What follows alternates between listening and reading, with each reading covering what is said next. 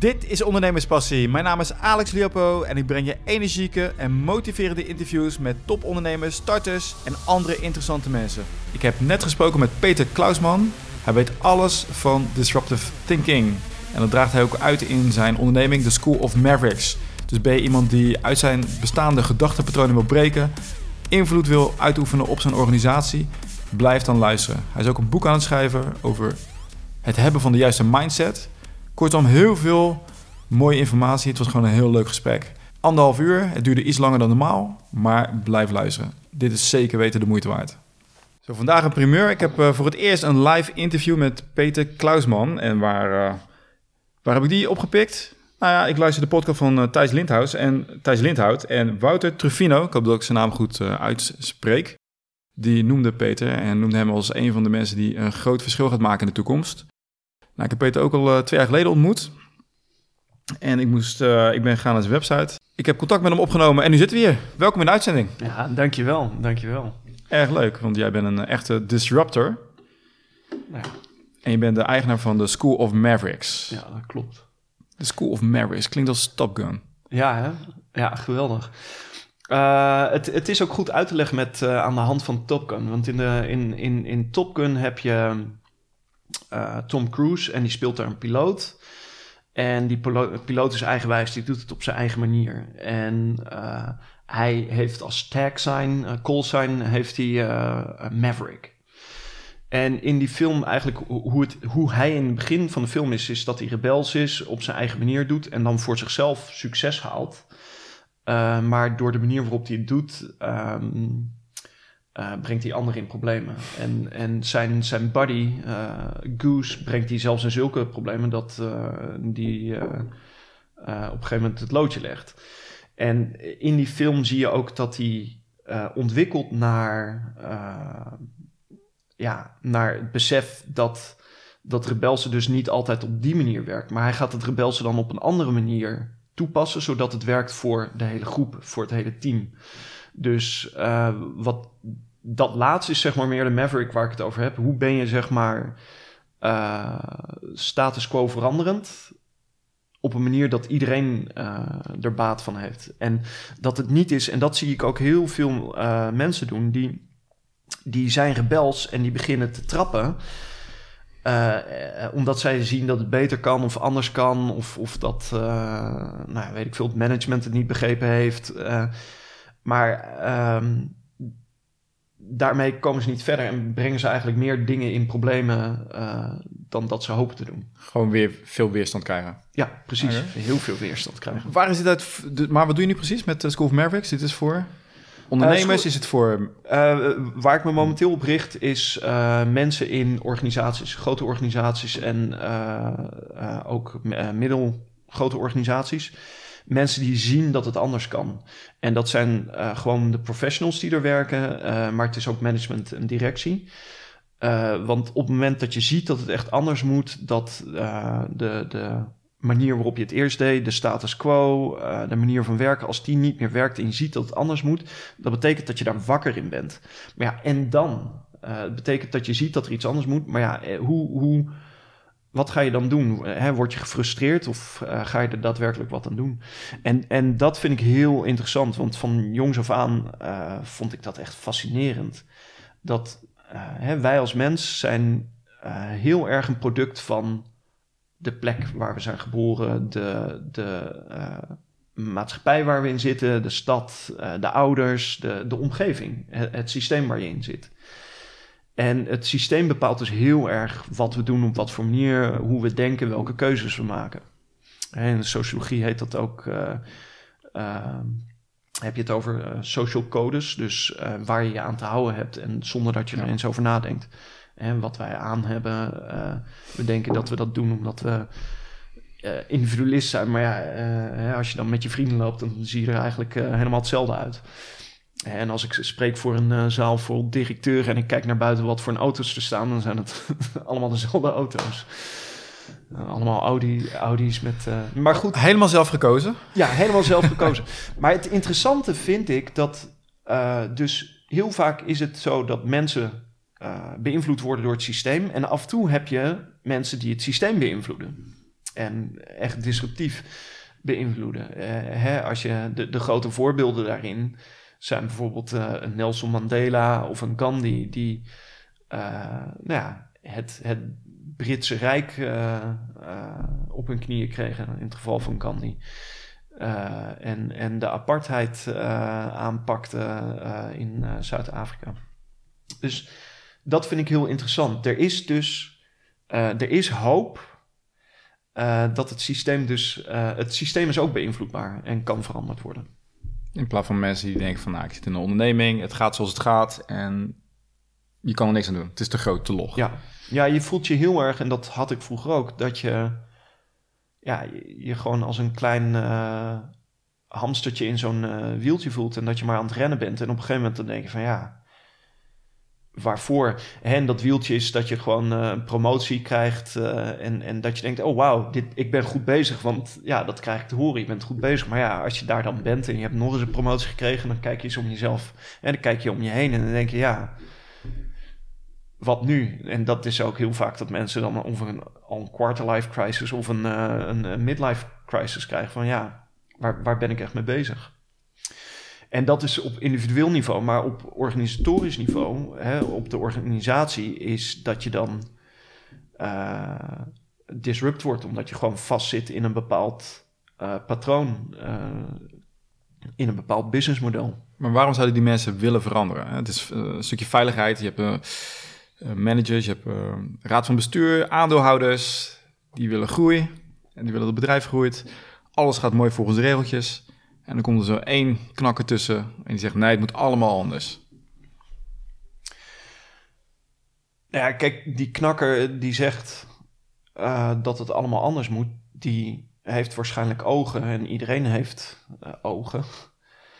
Uh, en die ziet waarschijnlijk signalen dat het anders gaat. Dat er start-ups zijn die, die de markt inpikken, of, of juist de markt inpikken waar meer. Um, hey, uh, de, de, uh, waar, waar de hoogste omzet uit wordt gehaald. Heel erg. Ja. Gaan we het makkelijk voor jou maken. Oké. Okay. Zo.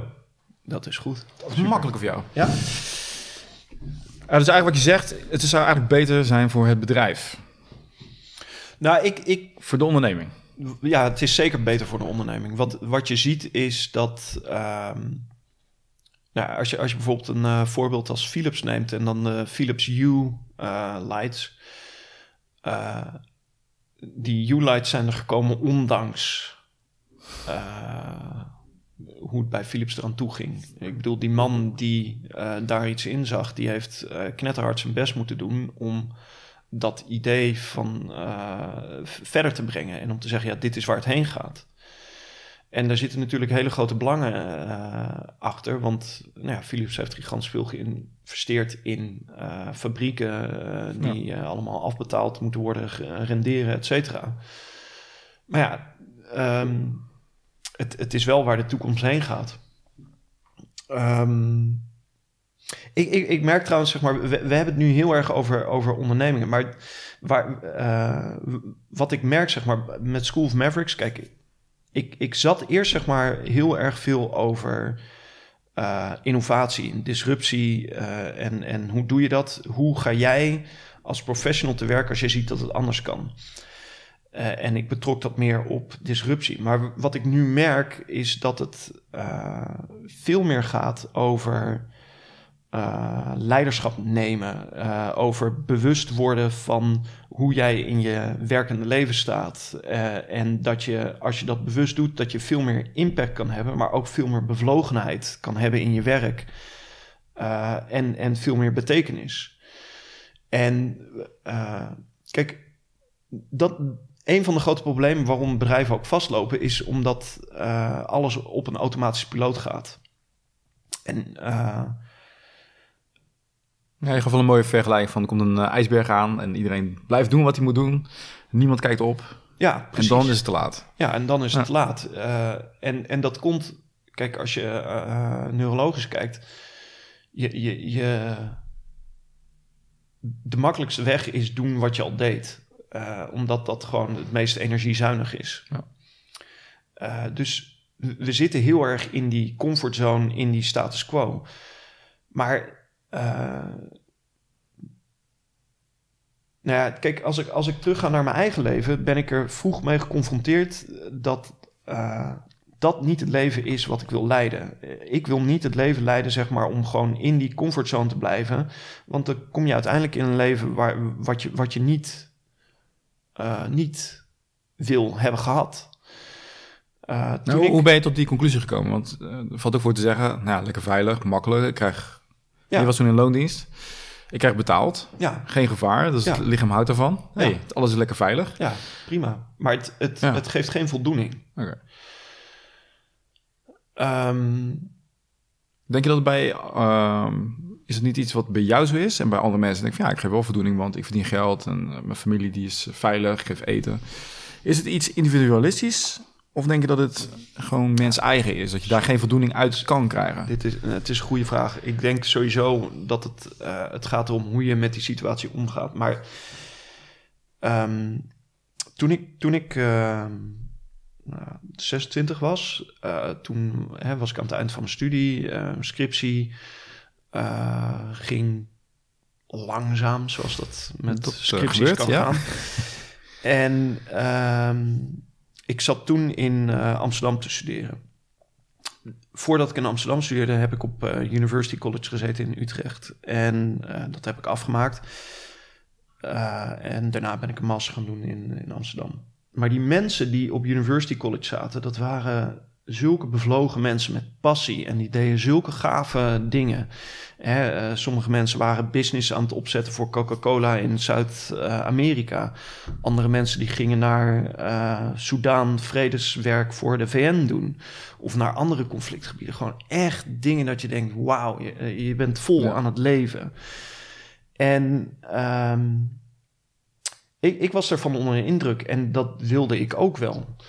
Maar ja, ik zat dan op mijn, uh, mijn, mijn kamertje. Ik was net uit het studentenhuis en daar hadden we een uh, druk leven. Maar dan ben je opeens uh, in je eentje. En dan, dan zit je daar en je bent aan het ploeteren. En je denkt, ja, wauw, had ik ook maar iets waar ik... Groter iets. Ja, maar ja. door gepakt wordt en wat je denkt van ja, dit vind ik het waard om, om energie in te steken. Want dan, dan gaat je bevlogenheid aan. Dan hè, gaan je ogen twinkelen. Um, maar ja, dat had ik niet. Maar de reden dat ik het had was ook omdat ik eigenlijk bang was.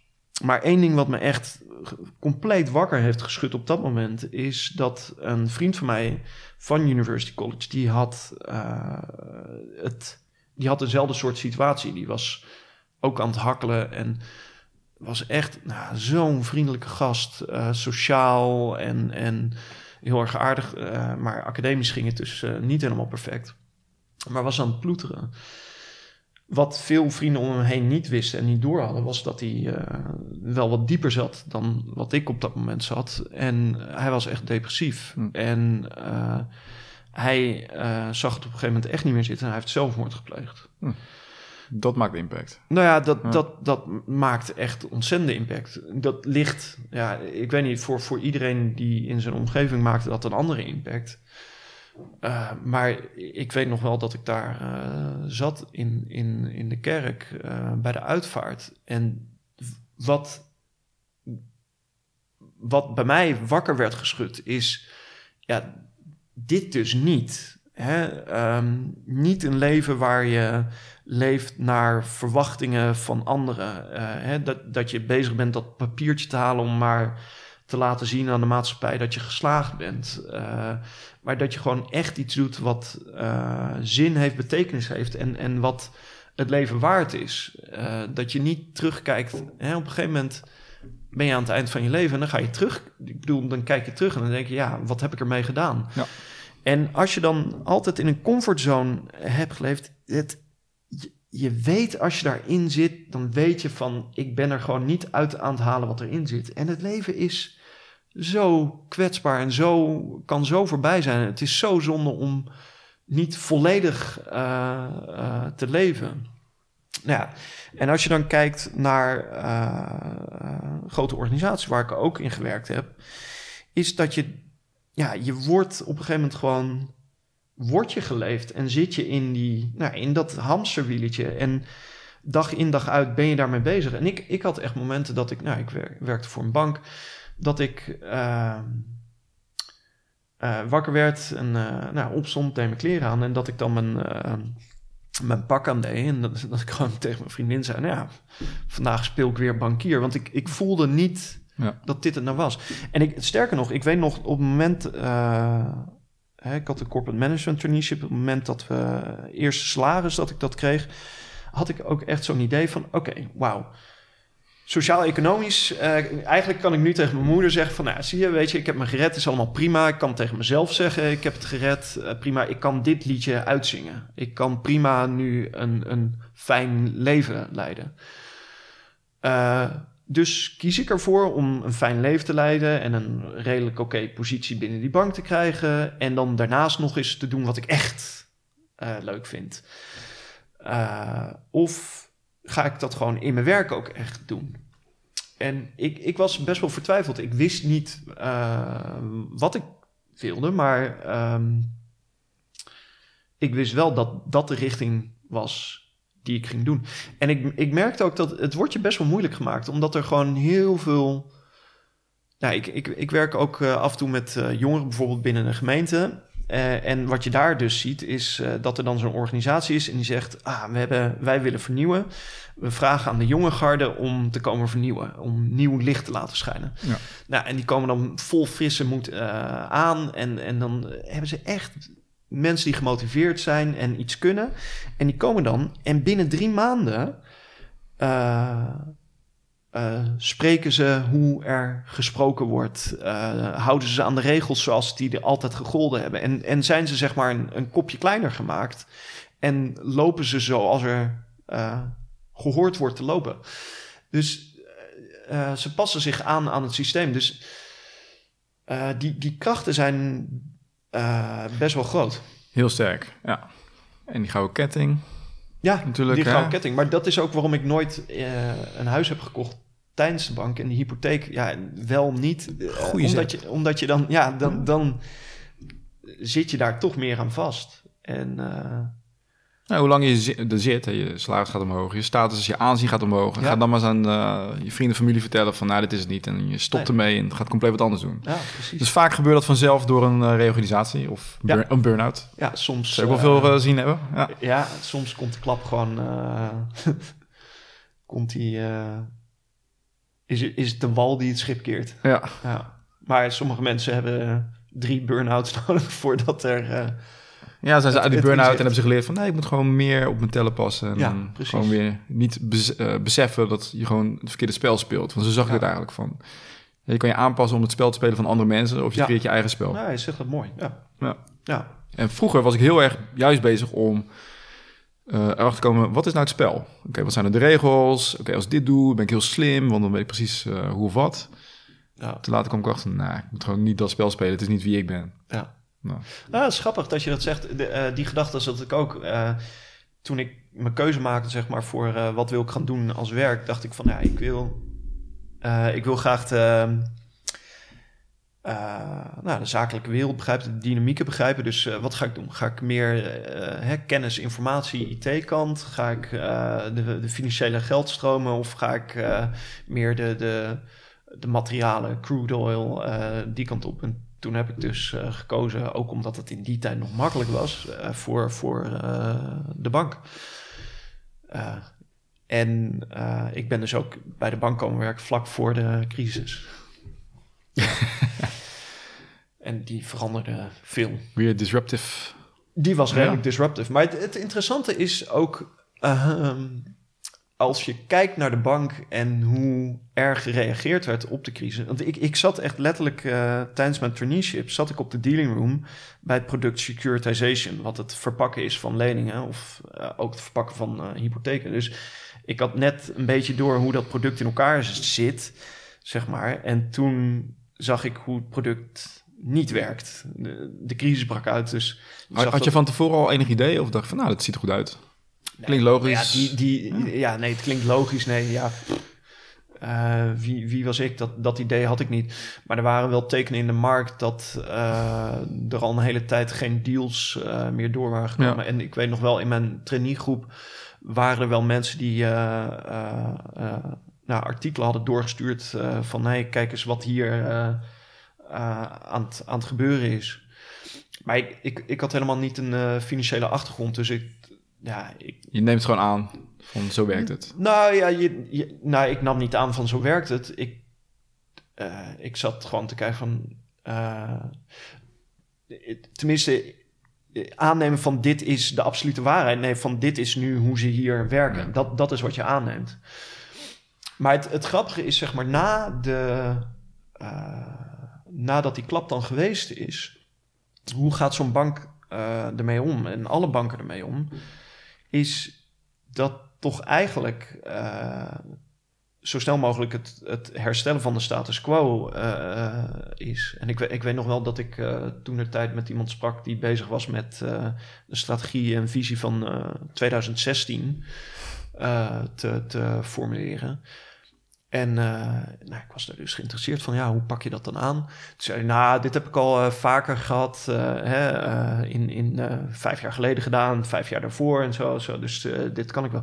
Dus, dus, ik vroeg, oh, dus je gaat dit op dezelfde manier doen als toen, het vernieuwen, nieuw strategisch kader. Ze ja, ja, ja. Dus ik zo, ja, maar het is nu wel daadwerkelijk toch wel echt anders. Ja, ja, ja. Maar weet je... Het kwam niet door. Nee, het, het kwam niet door. Maar toen zat ik ook echt te denken van, ja, het, het, uh, het, zit, het zit gewoon echt vast en in, in de hoofden. En dat is ook waarom ik het... Uh, hè, wat, wat ik noem disruptive thinking is zo ontzettend belangrijk om überhaupt uh, uh, iets anders te kunnen gaan doen. Om buiten je comfortzone überhaupt te komen, buiten je status quo, is een van de eerste dingen die je moet kunnen, is zien dat jouw werkelijkheid ook heel anders kan zijn. dat je daar op een hele andere manier naar kan kijken. Dat er dingen mogelijk zijn die jij voor onmogelijk aanhoudt. Want dan pas, ja, weet je, je, je hebt ook een anker nodig wat buiten ligt uh, van wat je nu weet. Net zoals, nou, even een voorbeeld wat ik ermee bedoel. Uh, Columbus die ging varen naar Amerika. Maar in, voor die tijd zeg maar, was er een stellige overtuiging dat de aarde plat was. Dus als je te veel de andere kant op ging, dan viel je van de aarde af. En um, in, in zijn tijd, zeg maar, leerde men te navigeren op sterren. En op het moment dat je gaat leren navigeren op sterren, dan uh, begint dus ook het idee dat de aarde dus rond moet zijn, want anders werkt dat niet. Ja. Dus het idee begon bij scheepsvaarders door te dringen van hé, hey, het is rond.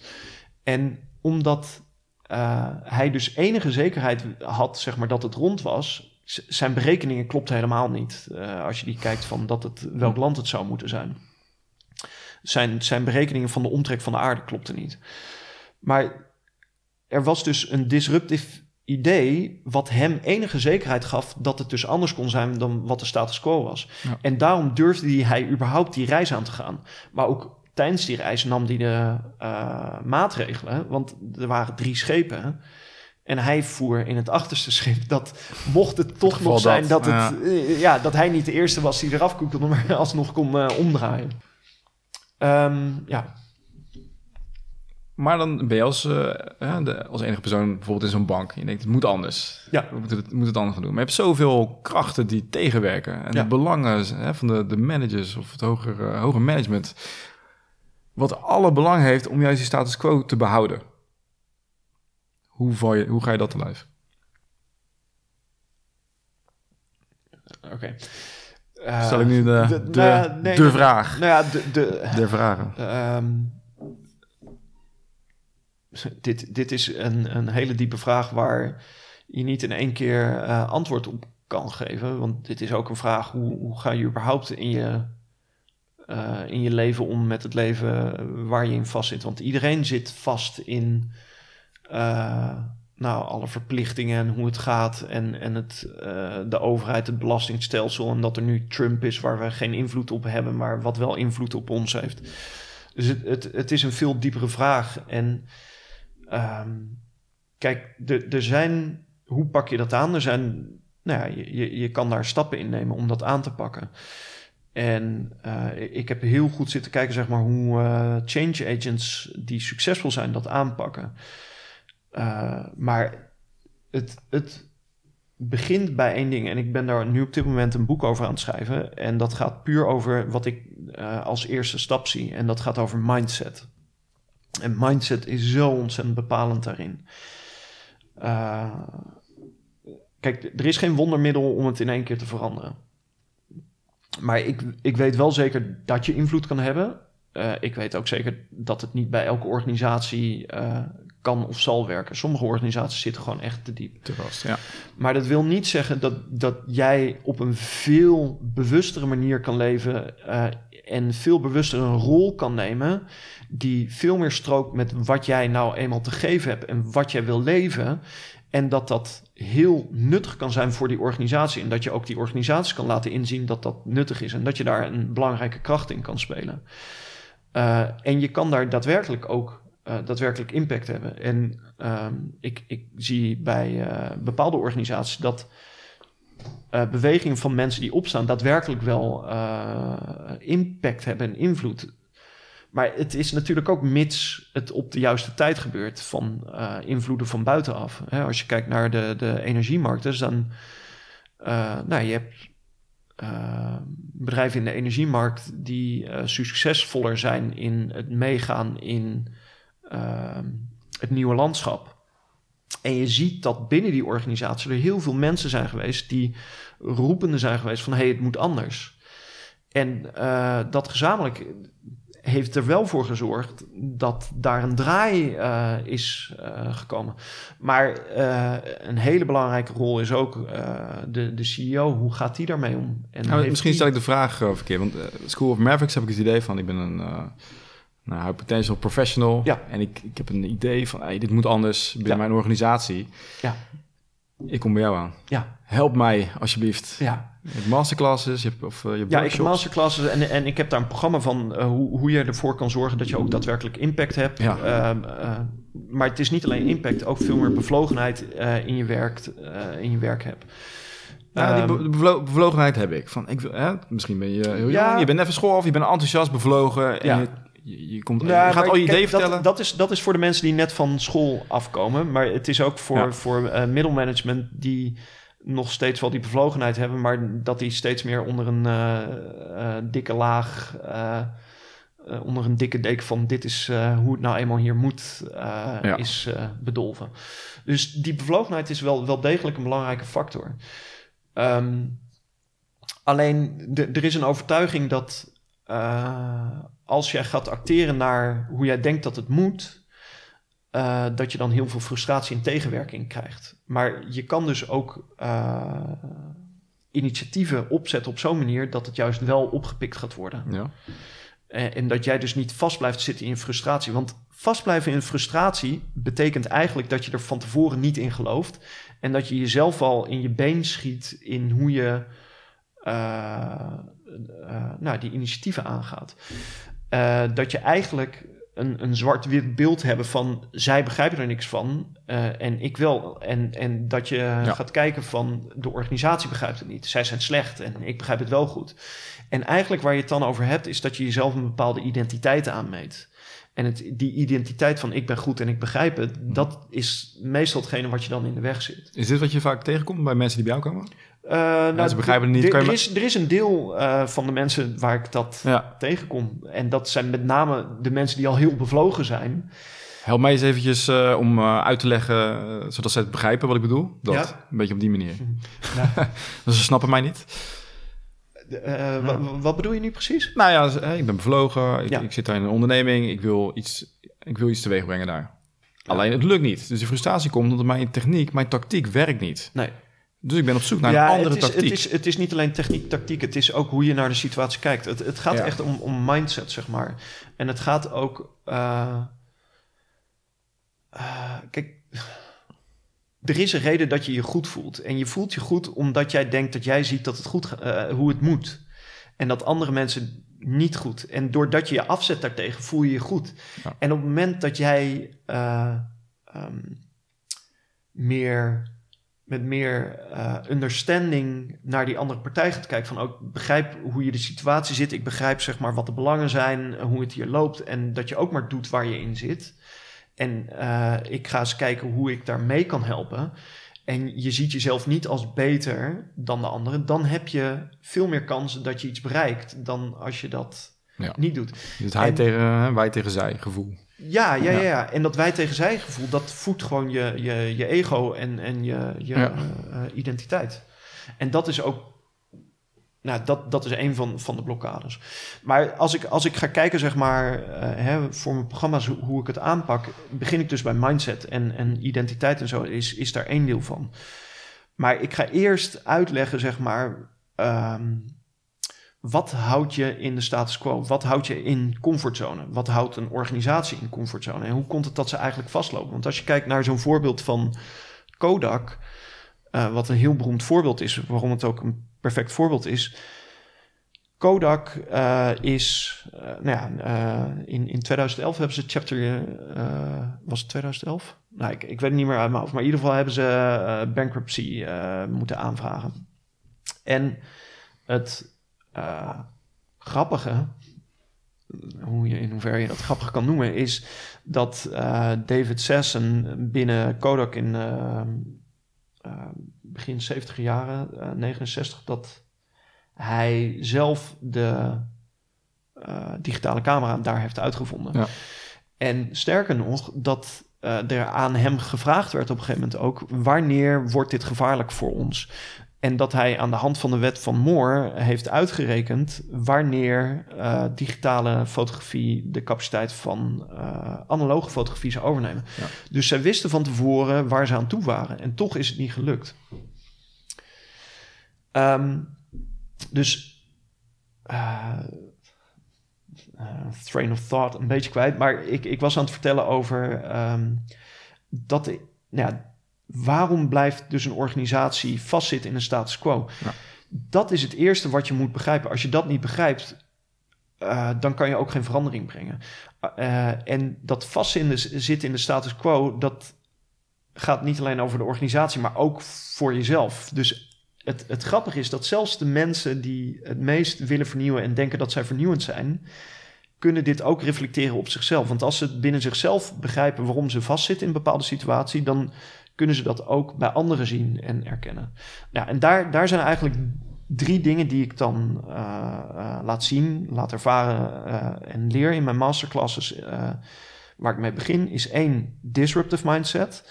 En dat gaat over überhaupt kunnen zien dat het anders is dan wat jouw werkelijkheid nu op dit moment is. Heb je het dan over weten dat het niet is zoals jij denkt dat het is? Nou, dat het ook anders kan zijn? Anders kan zijn. Ja, oké. Überhaupt een andere mogelijkheid. Ja is één deel. En dan daar langzaam in geloven dat dat kan, dat, dat, dat is daar heel erg belangrijk in. Ja.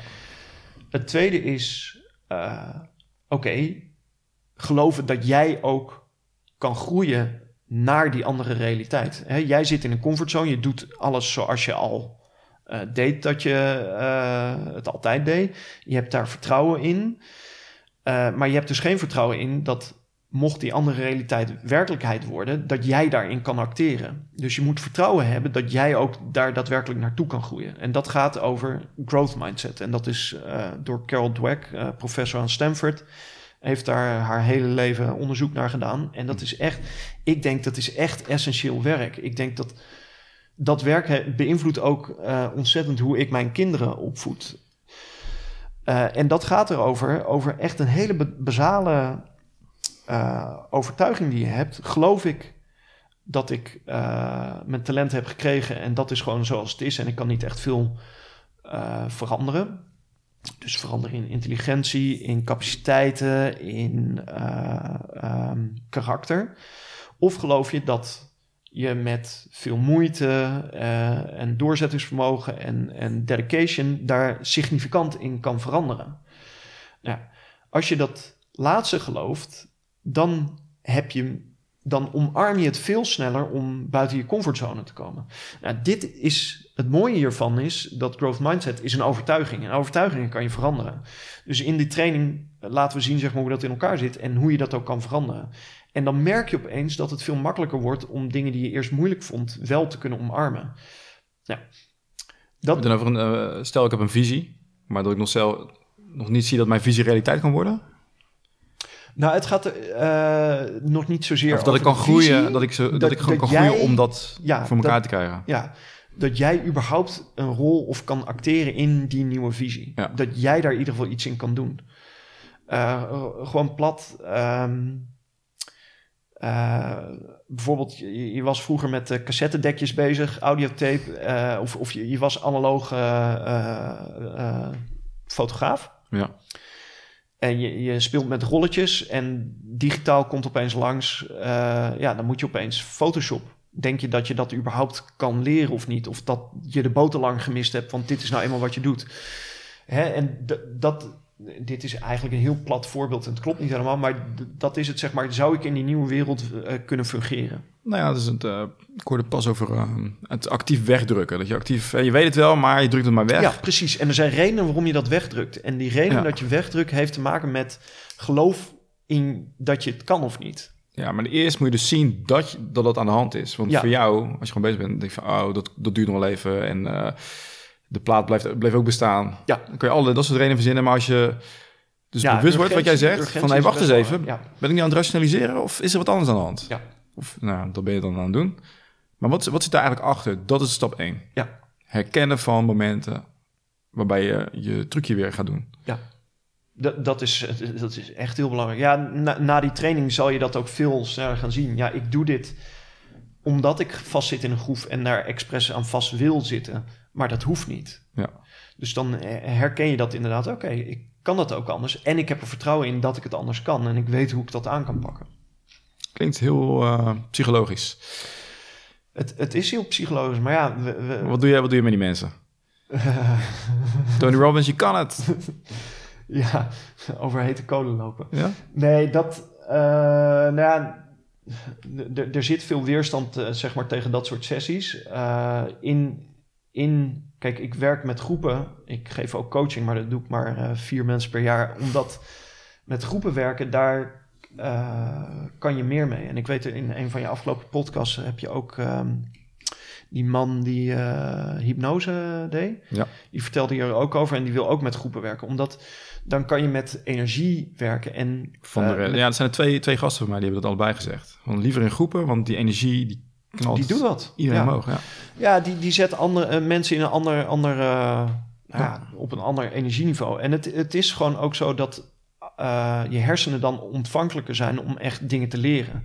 Dus die energie in een sessie is heel, heel erg belangrijk. Dus je moet dat met humor doen en, en nee, ook met uh, dat mensen echt daadwerkelijk iets ervaren. Dus, dus ik, ik laat mensen ook iets ervaren waar ze zichzelf continu betrappen op: hey, ik denk beperkt, ik heb aannames, maar die aannames zijn eigenlijk. Heb je, daar een voorbeeld van? Um, dat je iemand laat zien van: kijk, dit is nou iets waarbij je, je zit vast in een bepaald denkpatroon. Nou, ik, uh, ik heb een aantal spellen, zeg maar, uh, waar, waar ik dit uh, echt daadwerkelijk laat doen. En die ga ik nu niet vertellen, omdat nee, als je dan komt naar een masterclass Disruptive Mindset... een verrassing eraf. Ja, ja, ja. maar ook het grappige is dat mensen die zijn geweest en ze komen nog een keer en ze doen hetzelfde spel, dat ze dan weer zichzelf betrappen op beperkt denken. Hm. het, is, het is gewoon echt een, een perfect spel om ehm, nou, beperkt denken aan. Je krijgt er ook nog blijvende resultaten van. Tony Robbins bijvoorbeeld. En er zijn heel veel van die motiva motivational coaches. En uh, zie jezelf in de toekomst. En energie van alle mensen om je heen. Je kan het. En dan kom je thuis. Dan zit je in je eentje. Met ja, alle, daar, alle daar, negatieve macht om je heen. Daar, daar uh, uh, stip je een goed punt aan. hoe breng je dit ook in werkelijkheid? Hoe, hoe, hou je die energie vast? Ja. Hè? Want je, zit niet, je zit niet meer in de groep. Je hebt al gezien, hè, binnen onderneming, je, je pas je aan aan de omgeving. Ja. Uh, nou, je, je, je, je pikt perfect punten uit uh, mijn methode, methode uit. Want een van de dingen is uh, dat ik ook leer hoe je een sportsysteem bouwt. Want je moet op een gegeven moment je, je, je omgeving zo gaan vormen dat jij ja. hierin kan blijven. Uh, en dat kan heel simpel, zeg maar, met een, uh, een, een buddy die je elke week uh, ziet, die op eenzelfde manier gelijkgestemd erin zit. Eh, het gaat ook om plekken waar je je inspireert. Maar eh, het, je moet. Kijk, eh, de, de repetition is, is heel erg belangrijk. Dat je jezelf ehm, eh, leert nieuwe eh, gedrag te creëren. En dat kan je makkelijk, zeg maar, doordat je omgeving je daar makkelijk in zet. Eh, dus ik, ik, ik eh, leer mensen hoe ze dat kunnen doen. En de, de makkelijkste manier is, is dat je een gelijkgestemde vindt en daar eens in de twee weken eh, Ja. een uurtje mee spart. En het mooie is, omdat er gelijkgestemden op mijn trainingen afkomen, kan je daar altijd eh, iemand in vinden. Maar dit, dit, is, dit is echt heel erg belangrijk. En, en sterker nog, eh, nu ik ondernemer ben, doe ik dit zelf ook. Ik heb ook een, een, een sparringsbuddy die een andere onderneming heeft. Ehm Jeff Tabane, ook een briljante gast trouwens. Eh, en, en daar zit ik elke eh, maandag mee. En dan eh, hebben we gewoon een start van: oké, wat is je grotere doel? Wat zou je daarvoor doen? Wat doe je daarvoor? En dat is heel erg gericht op leren en steeds jezelf verbeteren. En, en een spiegel van jezelf, nou ja, waar we het over hebben, jezelf uit een status quo halen en in een nieuwe situatie krijgen. En iemand anders ziet veel duidelijker waar jij in vast zit Ja. dan jij zelf. Ja, We waren bij stap 2. Ja, Wat is stap 3? Eh, stap drie van mindset. Ja. Eh, ik heb nu alleen over mindset, wat de eerste stap is. Maar daarin, eh, stap drie, dus zeg maar 1C, gaat over impact mindset. En impact mindset, dat gaat terug naar een, een heel bazaal principe. Kijk, je kan jezelf voelen alsof je in een spinnenweb vastzit. Eh, als je in een organisatie zit, dan kan het af en toe voelen dat je in een spinnenweb vastzit. Eh ik zit hier, dit zijn de regels, dit zijn de morele regels, dit is zoals het gaat, zoals Ja. het hoort. En daar zit je heel erg in vast. Wat je eh, moet kunnen doen, als wat ik met impact mindset bedoel, is dat je daar los van komt. En in plaats van dat het spinnenweb invloed op jou heeft, dat jij invloed op het spinnenweb. Het zit aan je vast, maar jij kan de teugels ook eh, gaan bewegen. Nou, en waar dit naar terug gaat, ehm, wat, wat een prachtig voorbeeld ervan is, waar ik vanochtend eh, toevallig een blog over gepubliceerd heb, is eh Viktor Frankl. En ik weet niet, heb je ooit Nee. over Viktor Frankl gehoord? Viktor Frankl is, was een Joods man, psychiater, neuroloog. Voor de Tweede Wereldoorlog werkte hij in Wenen. En hij had de kans zeg maar, om te vluchten. Maar hij deed dat niet, want hij wilde voor zijn ouders zorgen. Hij zag, ja, zijn ouders kunnen niet mee. Hij had een visum om naar Amerika te gaan, want hij was een eh, wetenschapper. Maar zijn ouders niet. Hij bleef. Met als gevolg dat hij eh, dus Jood was in, eh, nou, in Oostenrijk, eh, Slechte in Europa. tijd. Ja, Ja. een hele slechte tijd. En hij heeft alle eh, gevolgen daarvan eh, nou ja, aan de lijve ondervonden. Hij heeft dus in concentratiekampen en ook in vernietigingskampen gezeten. En hij heeft het wonderbaarlijk overleefd. Als een van de weinigen. Ehm, voordat hij in de Tweede Wereldoorlog zat, deed hij al heel veel werk eh, in, in Suicide Watch. Dus mensen die zelfmoord wilden gaan plegen. En kon, hij, hij kon mensen daarvan weerhouden. En sterker nog, eh, onder zijn auspiciën heeft niemand zelfmoord gepleegd.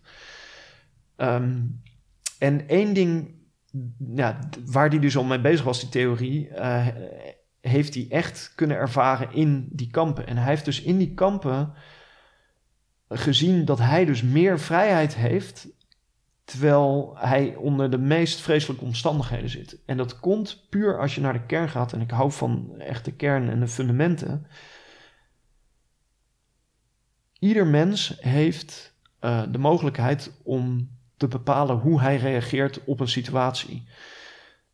Je hebt niet uh, de invloed om de situatie altijd te bepalen, maar je hebt altijd de mogelijkheid om er zelf op te reageren.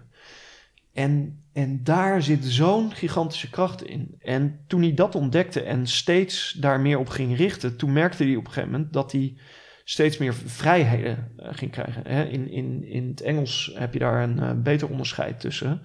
Je hebt mensen die liberties hebben, dus veel opties. Ja. Uh, maar hij had veel freedom. Dus hij had meer kracht en uh, macht om de gelimiteerde liberties die hij had, opties, om die uit uh, te oefenen. En daardoor eh, kon hij zijn omgeving eh, ook daadwerkelijk beïnvloeden. En ehm, dat principe, dat gaat over, zeg maar, als er een impuls komt, heb je, hebben wij heel snel een automatische reactie. Ja. En eh, dat is ook hoe wij vast blijven zitten in de status quo. We zijn ge- getraind, gedrild om iets te doen. En dat is eh, hè, eh, energie-efficiënt voor onze hersenen. Dus prima. Alleen je kan dat dus trainen om dat niet te doen. Dus in plaats van impuls, dat je daartussen zet een pause en plan. En het, het eh, grappige is dat er nu de laatste tijd is er heel veel onderzoek gedaan naar wilskracht. En dat wilskracht en ehm, eh, mindfulness ook eigenlijk precies dat doet. Dat je eh, die reactie loskoppelt. Dus dat jij niet slaaf wordt van je omstandigheden, maar daar zelf bepaalt en richting in bepaalt.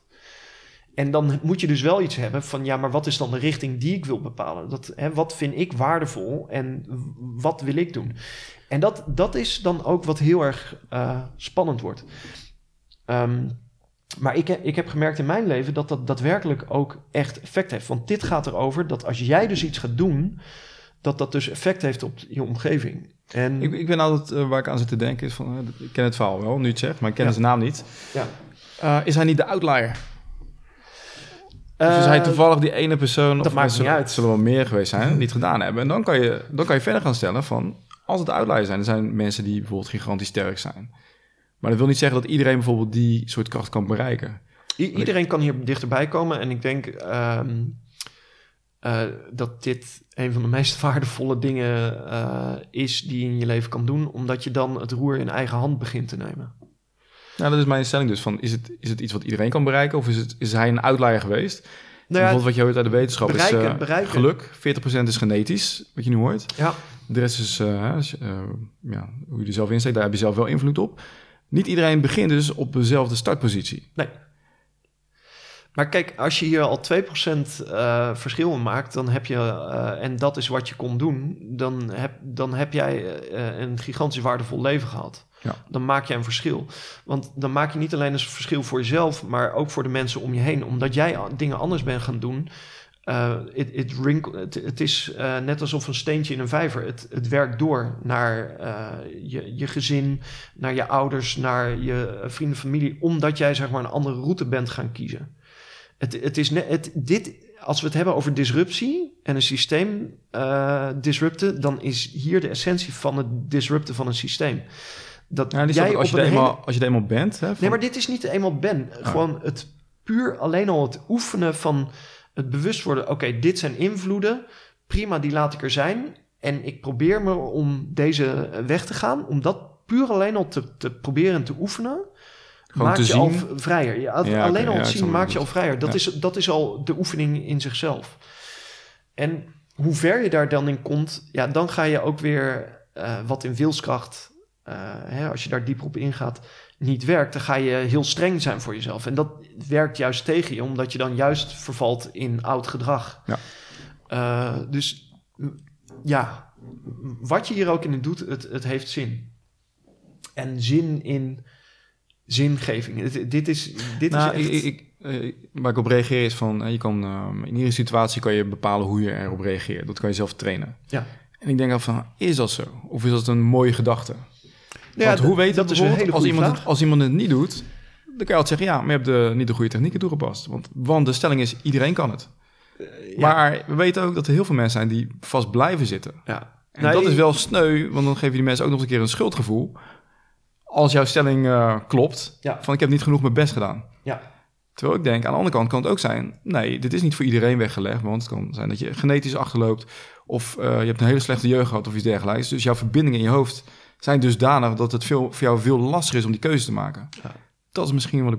Ik hoop dat ik het zo goed uitleg. Ja, nee, ik, ik snap eh, wat je bedoelt, maar het, het is gewoon niet zo zwart-wit. Eh, Daarom nuanceer ik het iedereen, iedereen, eh, Snap je? Het is, het is lastig te ontkrachten. Iedereen, kijk, het, het is heel lastig te ontkrachten, maar dit is ook een, ehm, een overtuiging die ik heb vanuit wat ik heb meegemaakt in mijn leven.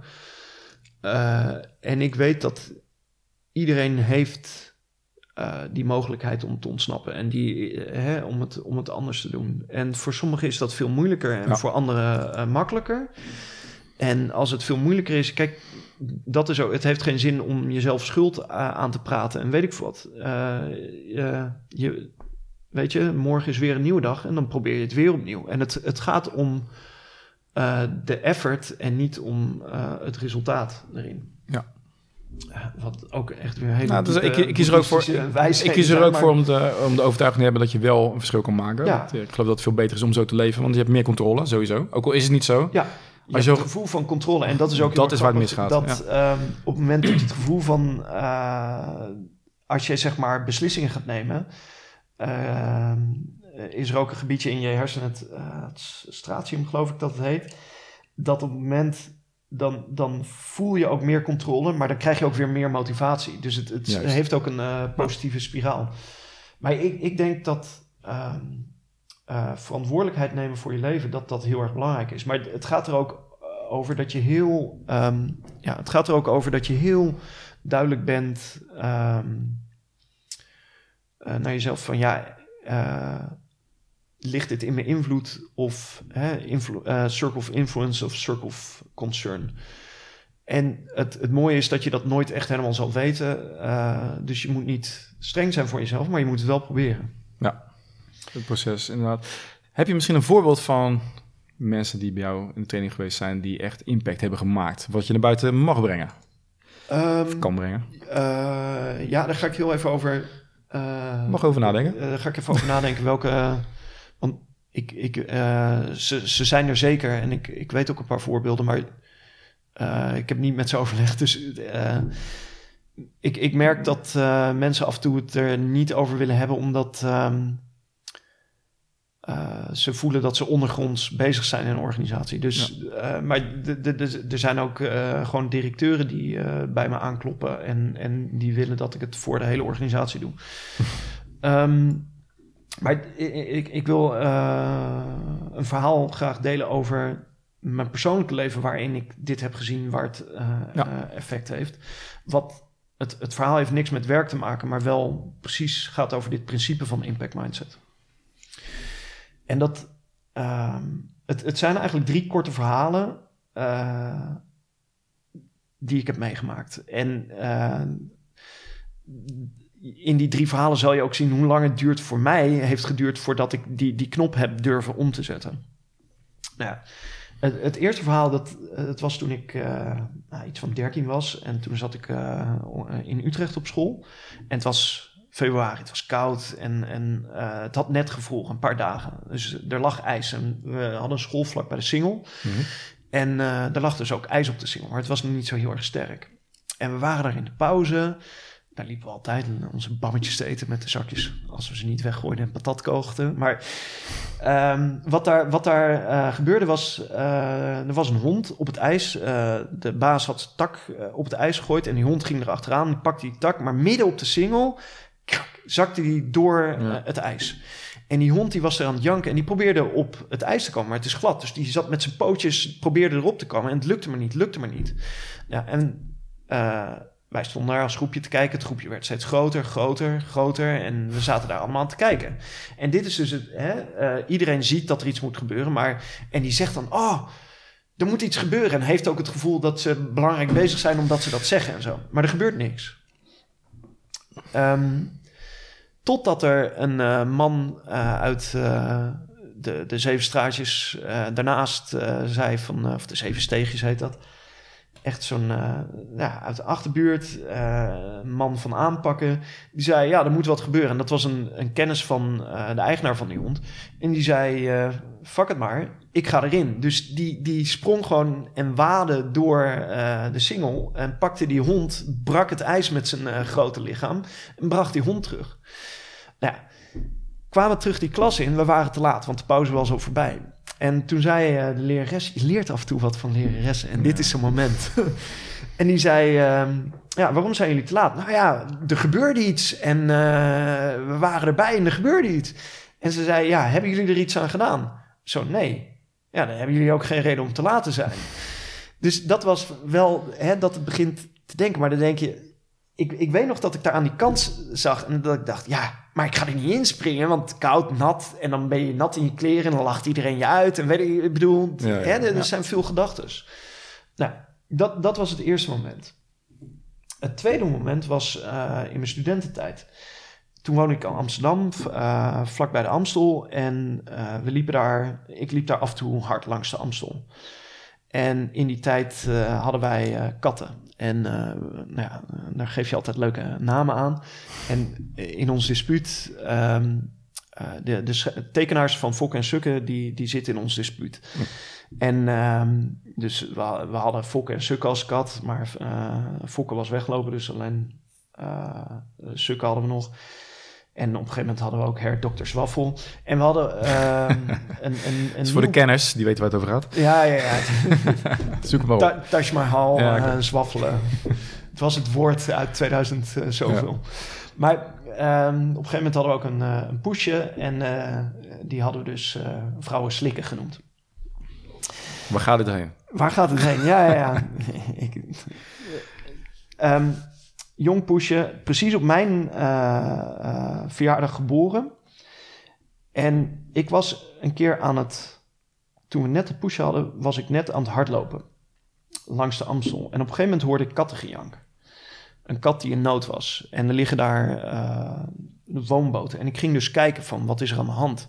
Ik hoorde het kattengejank, maar ja, er zat een hekje voor. Dus ik durfde niet echt te kijken. En ik zat aan het kijken via verschillende hoeken, ook een beetje vanaf de brug.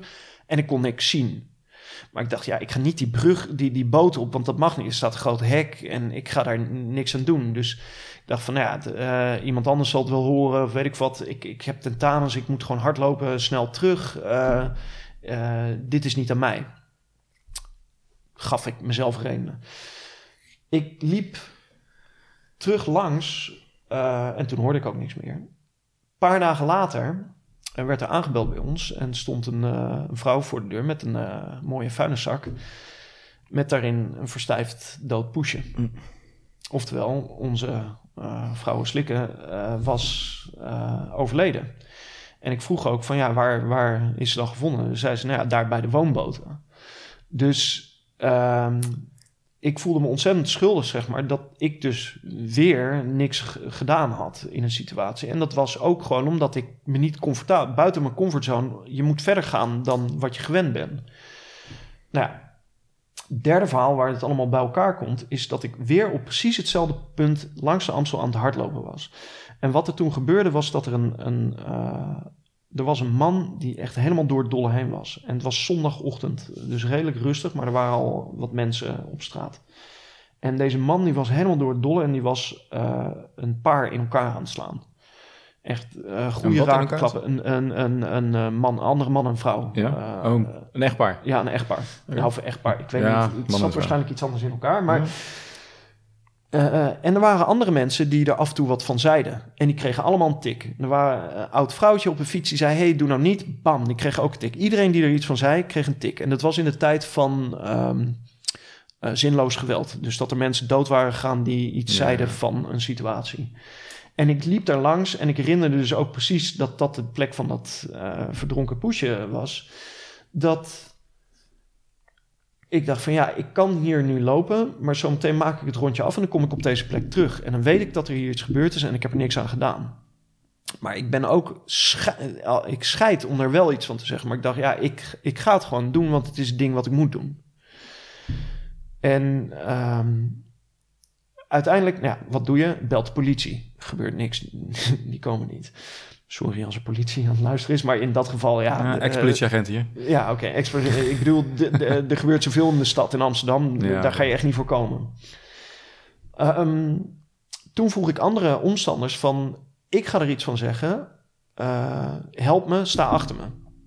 Nou, wat er dan van gebeurt is dat iemand op zes meter afstand gaat kijken... en je zogenaamd steunt. Nou als, er dan, als jij dan een klap krijgt... is echt niet dat, dat daar dan iets gebeurt. Ja. Maar er was één man die was dapper genoeg om achter me aan te gaan. Wat ik toen deed, was dat ik de straat inliep waar hij al eh, een stuk verderop was. En in één keer heel hard zei: hey, kappen nou. Maar echt op zo'n overtuiging dat het. Het was niet voorzichtig van: hey, doe eens niet. Maar hey, kappen nou. En dat moment veranderde iets. ik schrok me dood, want hij draaide zich om. Hij kwam naar me toe en ik dacht echt, shit, wat de fuck heb ik gedaan? En ik, ik had gewoon letterlijk knikkende knieën. En ik had ook zo'n kort broekje, dus je, je zag Je zag het ook. ja. Eh, in die tijd deed ik wel eh, wat Wing Chun, dus eh, ik stond wel klaar om eh, klappen te geven. Chisao, ja. Ja, precies. Eh, en bij Wing Chun eh, gaat het om de kortste lijn eh, naar de andere te hebben. Maar het grappige wat er veranderd was, omdat ik het met zo'n overtuiging had gebracht, gaf hij mij niet een klap. Maar hij zei tegen mij: Geef me een reden om je te slaan. Geef me een reden om me helemaal uit te leveren op je. Maar ik zei: Ja, nee, ik zeg er juist iets van, omdat ik wil dat er niks gebeurt. En dat, dat werd echt een, een, een minutenlange stand-off. Dat hij maar zei en wilde uitdagen. En op een gegeven moment was het ook zo erg dat hij zeg maar een beweging naar me deed om te slaan. En ik uit de reflex een klap gaf. eh, omdat ik gewoon dichter, met mijn handen dichter al bij zijn gezicht zat. En toen dacht ik, fuck, nu gaat hij helemaal los. Maar er, gebeurde niks. En ehm, sterker nog, hè, als we het over sportsystem... op een gegeven moment zag hij dat bij mij niet uitmaakte... ging hij bij die man achter me proberen druk te zetten. Maar ik dacht, ja, dan valt de schijn van backup weg. Dus ik ga er gewoon weer voor staan... want dan blijft die man tenminste achter me staan. En op een gegeven moment lukte er dus helemaal niks van. Maar het principe wat hierin zit... als we het over impact mindset hebben... is dat doordat ik dus eh, met overtuiging zeg maar een standpunt nam veranderde er daadwerkelijk iets in de situatie. Ja. Hoe die man op mij reageerde was dus anders dan alle andere mensen die er iets van gezegd hadden. En dit is ook, kijk, als jij ziet dat er iets moet gebeuren, moet je dus niet stil blijven staan, maar neem verantwoordelijkheid dat je er ook iets aan gaat doen. En je merkt dat het moment er naartoe het engste is, maar als je er eenmaal in staat, dan, eh, dan reageert de omgeving, verandert de omgeving met je mee. En ben je sindsdien heel actiegericht? Ja, als er wat gebeurt, proactief, er gebeurt iets. Hè? Want dat, dit voorbeeld wat je nu geeft, Ja. van er gebeurt iets op straat, mensen reageren niet. Ik heb een tijd geleden bij de politie gewerkt, als agent op straat. Heel bekend fenomeen. Als dit je trouwens overkomt, wijs mensen aan en zeg kom mee. Dus wees heel directief, wat jij nu zegt, autoritair. directief, belangrijk. Maar sommige mensen hebben het in zich, die, die gaan erop af. Ja. En anderen denken van, oh jee, die kijken naar de rest van... eh, iemand Doe anders, iets, iemand anders moet iets doen. Maar Ja. ben je sindsdien, ben je nu, heb, je hebt nu drie dingen meegemaakt. Ja. Althans toen, hè? Ben je nu veranderd dat als je ziet dat je gelijk op afgaat. Eerst even kijken naar de situatie. voor Nee, de ik, ik luisteraars. schat altijd... Ik schat Eerst even altijd, inschatten, klopt. Nee, ik schat altijd de situatie. Maar dat je wel gaat. Maar het... het, nou ja, het ehm, ik zit even te denken, zijn er situaties waar ik, waar ik niks heb gedaan? Eh, Die, Ja, of misschien dat je al... Ik heb wel eens meegemaakt dat ik te snel iets doe. En dan Ja. is eigenlijk nog niks aan de hand. Maar dat ik zo ingesteld ben van... Hey, onderbreek, eh, onderbreek dit. Hè? Ook Ja. op straat, als wat bijna dreigt te gebeuren... ben ik sneller geneigd om erop af te stappen. Van, Ja. van even dat het escaleert. Ja. Dat ik juist de andere kant op ga. Nee, ik, ik, wat ik geleerd heb is ook dat er gewoon zachtere methoden zijn. Doordat je gewoon even een vraag stelt. Kijk, het, het gaat om wat je uitstraalt als, als eh, qua body posture en eh, Ja. hoe je daar staat. En in mijn training heb ik het ook heel veel over positionering. Hoe stel je jezelf op? Ja. Want als je gewoon stevig staat en gegrond bent en een overtuiging hebt. En gegrond, dat wil niet per se fysiek zeggen, maar ook een, een overtuiging hebt waar je gewoon echt voor staat.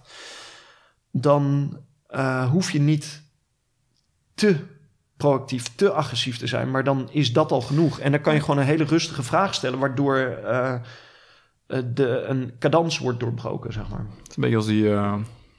dat je gewoon compleet congruent bent. Dat je Ja. een soort zekerheid uitstraalt. Ja, precies. Ik hoorde wel eens een verhaal, dat is het uh, vergelijk met die, eh, die samurai... die zich als een, eh, soort tol wel in beweging zijn, maar ook stilstaan. Ja, En als je dat hebt, dan straal je dat helemaal uit. Dan ben je Ja. congruent. Dan heb je niet Ja. stiekem een soort van eh, trillende knie bijvoorbeeld. ja. Kan gezien worden als was- een eh, teken van zwakte. Nou, Ja. het heeft in jouw geval eh, heeft het niet uitgemaakt. maar eh, hij zag het wel. ja, maar je bent dan wel heel congruent. Ja. En dat is wat ze zien. Dat is die energie die mensen zien. Ja. Ja, en, en waar haal je... Het is grappig dat je samurai zegt. Ik heb eh, veel aikido gedaan. En daar eh, vind je dit dus ook terug. Want eigenlijk wat je bij aikido heel erg traint... is dat je van je automatische reactie afgaat van fight, flight, freeze... maar dat je je eigen eh, intentie behoudt... en ook eh, je mogelijkheid om gewoon zelf met die situatie om te gaan... op een manier zoals jij dat wil.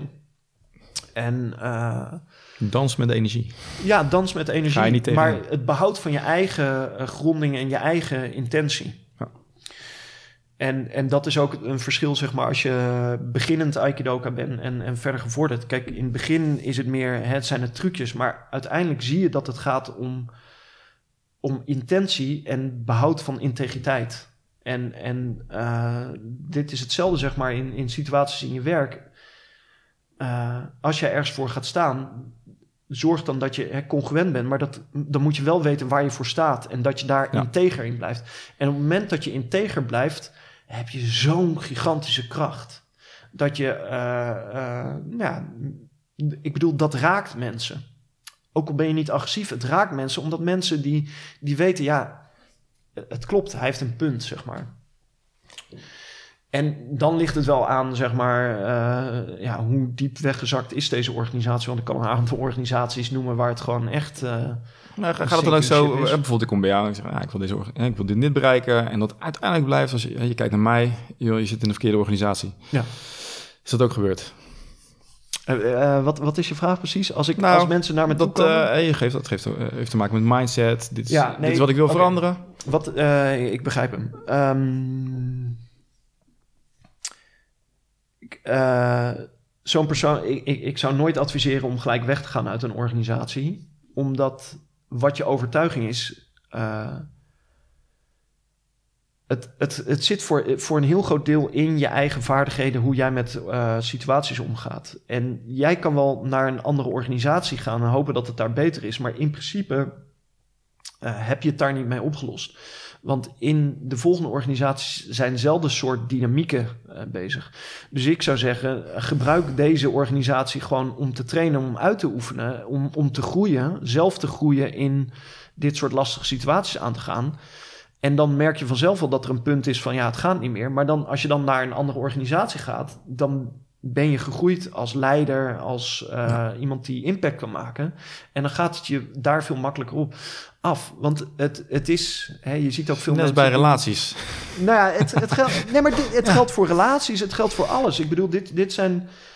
Het gras is altijd groener ergens anders, maar je neemt jezelf altijd mee. En, en dat is hetgene waar je uh, verandering in kan brengen en in kan trainen. En dat heeft veel meer effect dan als je hoopt een betere situatie. Want dan kom je toch in dezelfde valkuilen weer. Want die valkuilen zeggen meer over jezelf dan... Een spiegel van uh, waar je zelf mee zit. Ja, nou, we zijn al uh, dik over het uur heen gegaan. Oh, shit. Vond erg interessant. Nee, dat, dat geeft helemaal niks. We zitten hier live. Oké. Okay. Nou, niet live, maar uh, in persoon. Ja, in persoon. School of Mavericks, waar, wat is jouw richting? Waar ga jij naartoe met School of Mavericks? Nou, nu op dit moment ben ik me heel erg aan het richten op het onderwerp mindset. dus die drie dingen, disruptive mindset, growth mindset en impact mindset. Daar ben ik nu een boek aan, over aan het schrijven. Wanneer komt die uit? Uh, to-do nou, to list? ja, nou, to-do-list. Ik, ik ben nu bij het laatste hoofdstuk. Het grootste deel is al geschreven. ik heb een oh, uitgever. Dus, ja. dus uh, binnenkort. Uh, binnenkort. wat dat betreft is deze podcast een beetje te vroeg, maar... ah, dan kom je weer terug. Update. Ja, maar ik, ik, ben, ik ben continu aan het leren en aan dit aan het verfijnen. En ehm, ja, het, het, gaat uiteindelijk over mensen echt wakker maken, bewust dat ze richting gaan nemen in hun leven. En dat je dat in een, als professional in een organisatie dus veel meer kan dan dat je zelf beseft. En uh, ja, dat, dat is uh, wat ik aan het doen ben. Dus nu op dit moment geef ik trainingen uh, in mindset met name. En ga je dit verder brengen? Of zeg je nu, hè, je zit bij organisaties, maar je ook zo van wereld wordt wakker? ik, Um... Ja, stiekem wel, hoor ik al. zeg het maar. Uh, ja, ik, ik word ook gecoacht en uh, die coach is, uh, kan wat verder kijken dan de normale mens. En ik weet dat er nog wel iets voor, voor me in het verschiet ligt. Wat, er, wat er zal gebeuren is dat Kijk, de lessen waar ik het over heb, dit zijn, dit zijn hele principiële levenslessen. En die zijn ook van toepassing op. Uh, nee, hij zei net van ja, op relaties en, en dat soort dingen. Dus op een gegeven moment uh, denk ik dat ik het ook wel zie gebeuren dat het daarin gaat. Maar voor de, voor de komende, nou, drie, vier jaar is, is dit zeg maar het gebied waar ik zit. Dus professionals, organisaties daar een verandering brengen. Dus het heeft heel erg met innovatie, met leiderschap te maken. Ik ben wel benieuwd, hoe komen mensen bij jou terecht? Want je moet ook maar weten dat er een School of Mavericks is. Horen zeggen. horen zeggen. Uh, ik, ik track wel zeg maar het verkeer uh, wat, er, wat er bij me langskomt. Uh, er is heel af en toe iemand die een search doet op disruptief en dat soort dingen. En, ja, daarom. Hoe kom je bij jou? Ja. dat is het meeste, maar het, het meeste is echt horen zeggen. ik heb een aantal keer per jaar heb ik een masterclass, Disruptive Mindset, die gratis is. Uh, en daar kan je kijken zeg maar, of het iets is voor uh, in je organisatie. Of je kan er voor jezelf heen gaan omdat je dat wil leren. En uh, daar vraag ik mensen of ze iemand willen meebrengen. Goeie. Ja, dat is een hele goede. Ja. en en dat, dat is hoe het werkt. En daarmee verdien ik nu op dit moment meer dan genoeg mijn brood mee.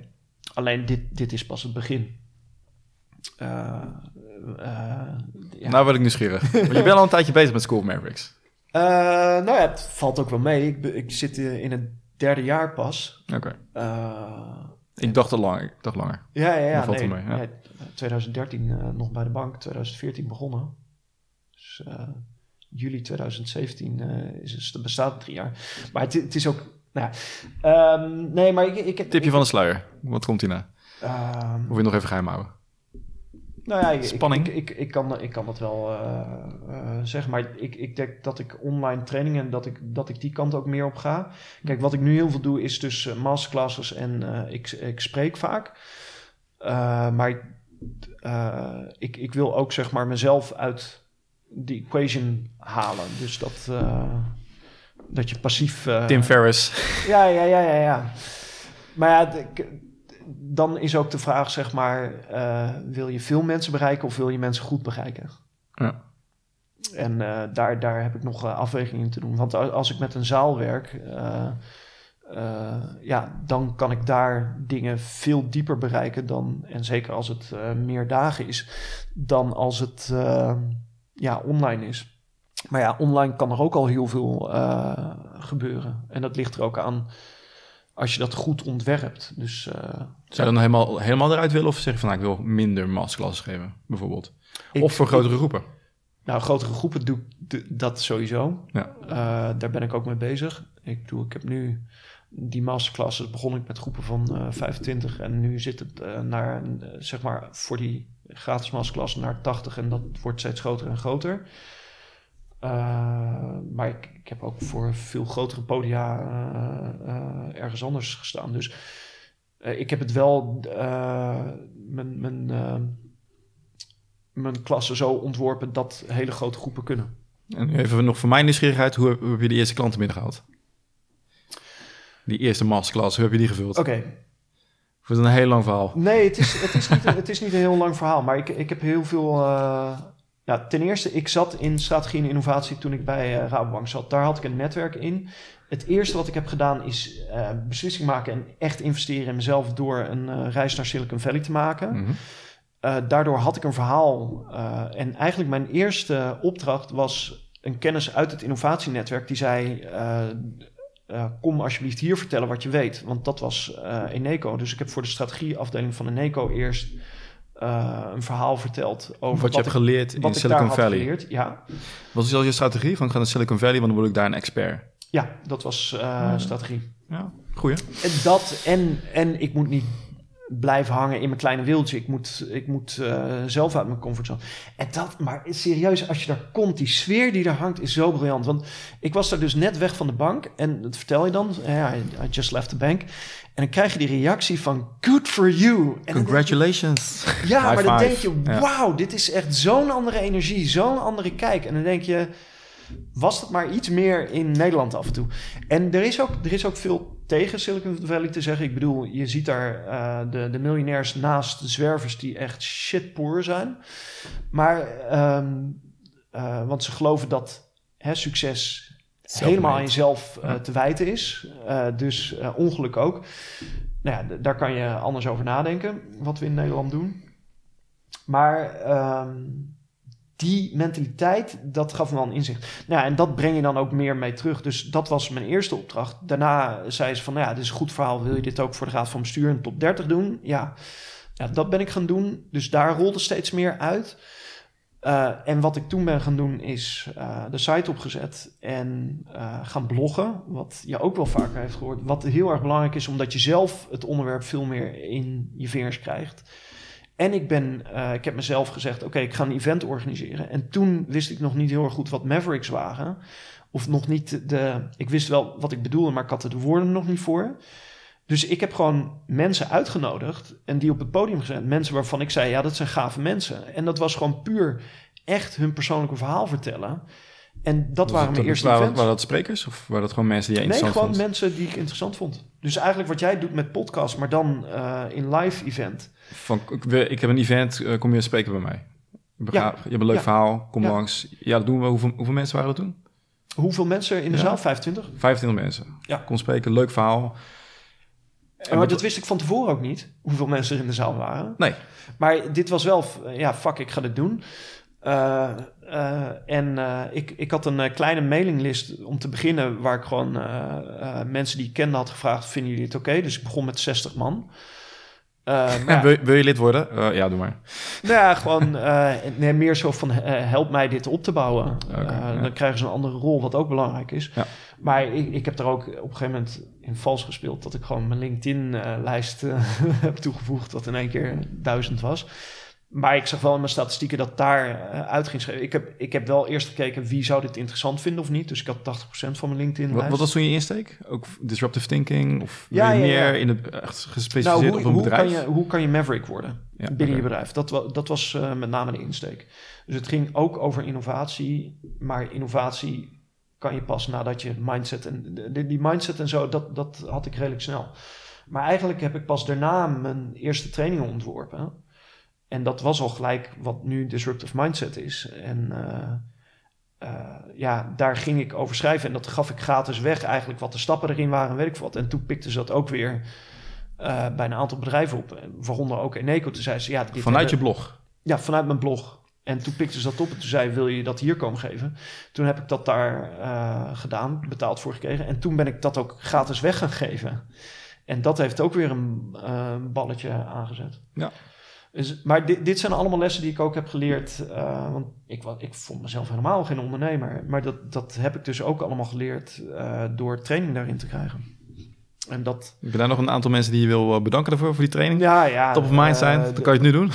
Top, top of mind zijn, ehm, dat is Nisande Neta, die Open Circles, Open Circles ja. Academy die nu net iets andere dingen doet en over gratis weggeven. Hij geeft nu al, bijna alle content van zijn trainingen voor, voor bijna niks uh, online uh, weg. Ja. Maar daar, daar heb ik gigantisch veel uh, van geleerd. En, um, Komt vaker voorbij die naam, dus dat is ja. leuk. Ja, maar hij doet nu andere dingen. Hij, hij doet nu Zero to a Million. Dat hij in een jaar tijd naar een miljoen omzet gaat in een nieuw bedrijf. En je kan hem over zijn schouder mee uh, kijken hoe hij dat doet. Waar je echt cool. ziet.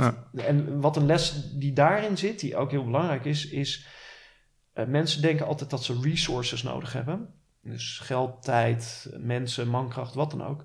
Maar wat je daar dus in ziet, is dat hij gigantisch resourceful is. Dus door resourcefulness uh, weet je gewoon oplossingen te creëren voor iets wat je nog niet hebt. Ja, dat, juist te veel geld kan juist mank mankement zijn. Ja, zeker weten. Hebt bij veel start-ups dat ze beginnen met een bak geld van een paar ton. En voorlopig hebben, dus hebben ze niks, uh, ze hoeven niks te doen. Ja. Eigenlijk, nee. de komende maanden. En hij doet het wel. Ik ben wel benieuwd. Ja. Even één ding wat, wat wel belangrijk is, waarom het ook werkt, is uh, dat, dat ding wat je gratis weggeeft, het moet impact hebben. Het moet, het moet goed zijn. Mensen moeten er enthousiast van worden. Want wat geef je nu weg? Ik zag het uh, e-book staan. Ja, dat e-book. Uh, en daar zitten eigenlijk een groot deel van de lessen in die ook in de masterclass zitten. Maar die masterclass geef ik gratis weg. De masterclass geef je gratis weg. Oké. Okay. Ja. Uh, je, je, hebt ook inderdaad, je blogt een aantal e-books, toch of niet? Nu... Ja, ik heb een aantal e-books, maar die zitten verstopt. Die moet ja, je weten. Uh, precies, weten ook een start-up boek. En, uh, ja, ja, ja, Dus je hebt een aantal dingen die je gaat weggeven, maar mensen komen dus uh, automatisch op jou. Je, ben, je bent geen reclame aan het maken of wel? Google nee. AdWords of iets? Nee, geen Facebook marketing? Nee, nee. Uh, heb ik wel zelf in je netwerk, ben je zelf daar wat aan het doen? Uh, maar nog niet. En dat is ook omdat ik gewoon dingen scherper wil hebben daarin. Maar ik denk dat ik dat op een gegeven moment wel ga doen. Want uh, ken je die jongens van uh, 365 uh, dagen succesvol? Ja. David en Arjan. En David was mijn buurman. Toen ik nog in Amsterdam woonde. En we, we hebben het daar ook wel eens over gehad en hoe zij dat aanpakken. En ook, ook met wie zij gewerkt hebben. Die namen die weet ik even niet meer met wie zij werken. Maar ehm, ja, zij ja, bouwen echt ook op Facebook.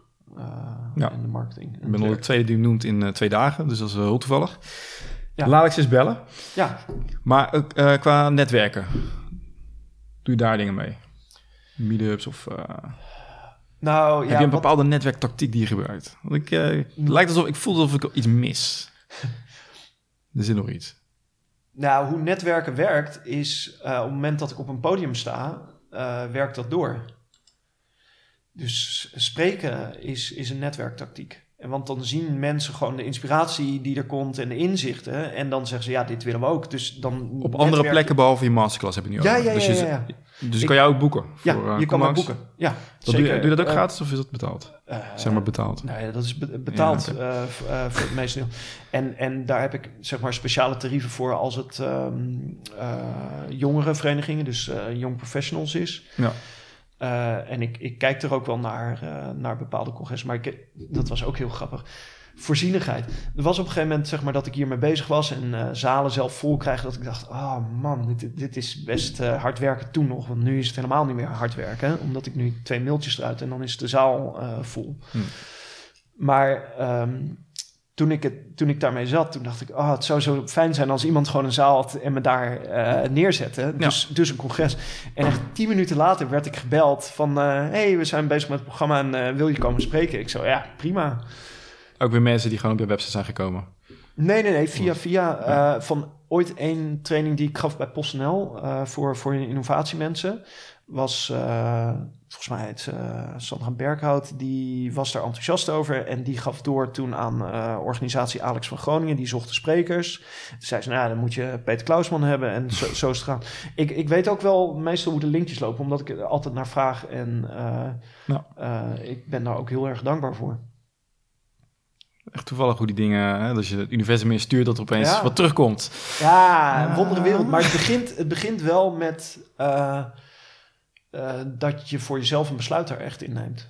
En dat je er anders uh, naar gaat kijken. Want, maar de, de, ik bedoel, je kan dat op een zweverige manier, wat mensen zweverig noemen, van het, het universum is zelfvoorzienend. En ik, ik zie dat ook echt, maar dat in de zakelijke wereld komt dat niet heel erg aan. Dus je kan het ook meer wetenschappelijk bekijken. En daar zijn gewoon studies dat als mensen uh, een andere overtuiging hebben, dat ze ook daadwerkelijk andere dingen zien. Dus opeens opportunities. Hè?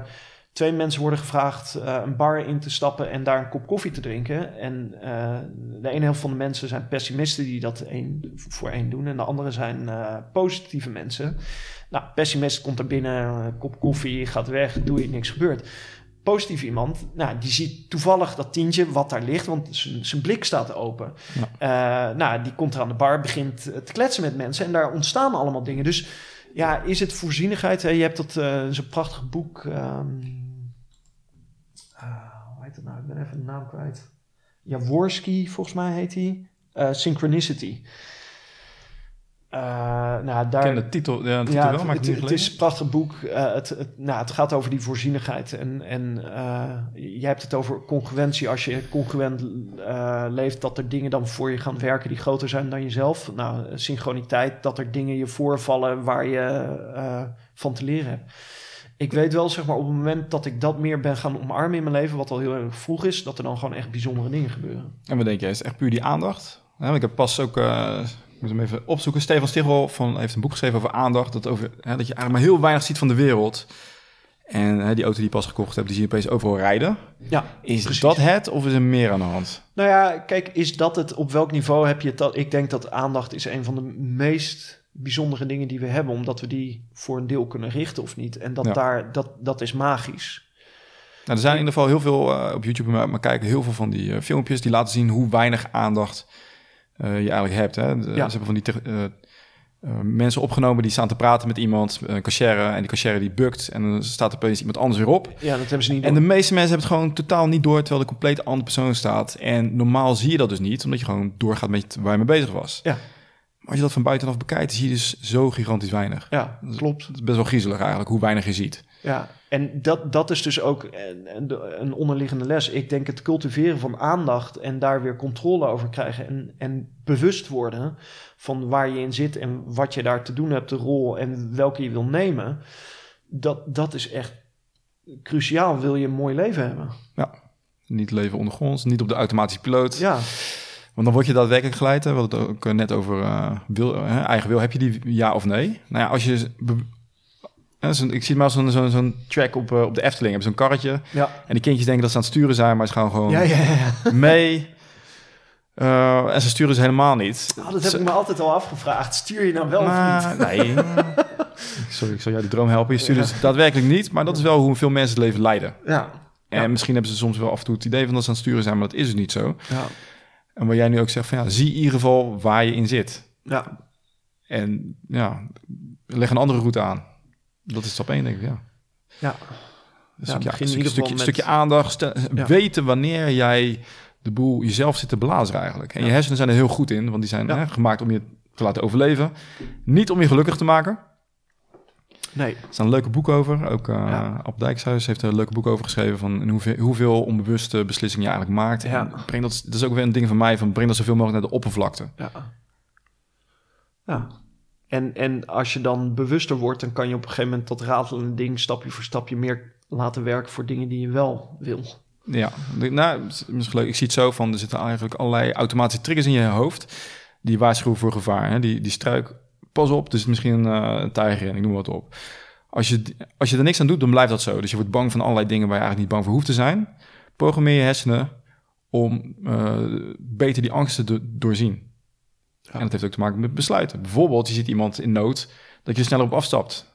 Dat je niet die uh, blokkade hebt van, oh ja. gevaar. Ja. Maar het is, een, het is een heel proces, dus we zijn er, zijn we mee bezig.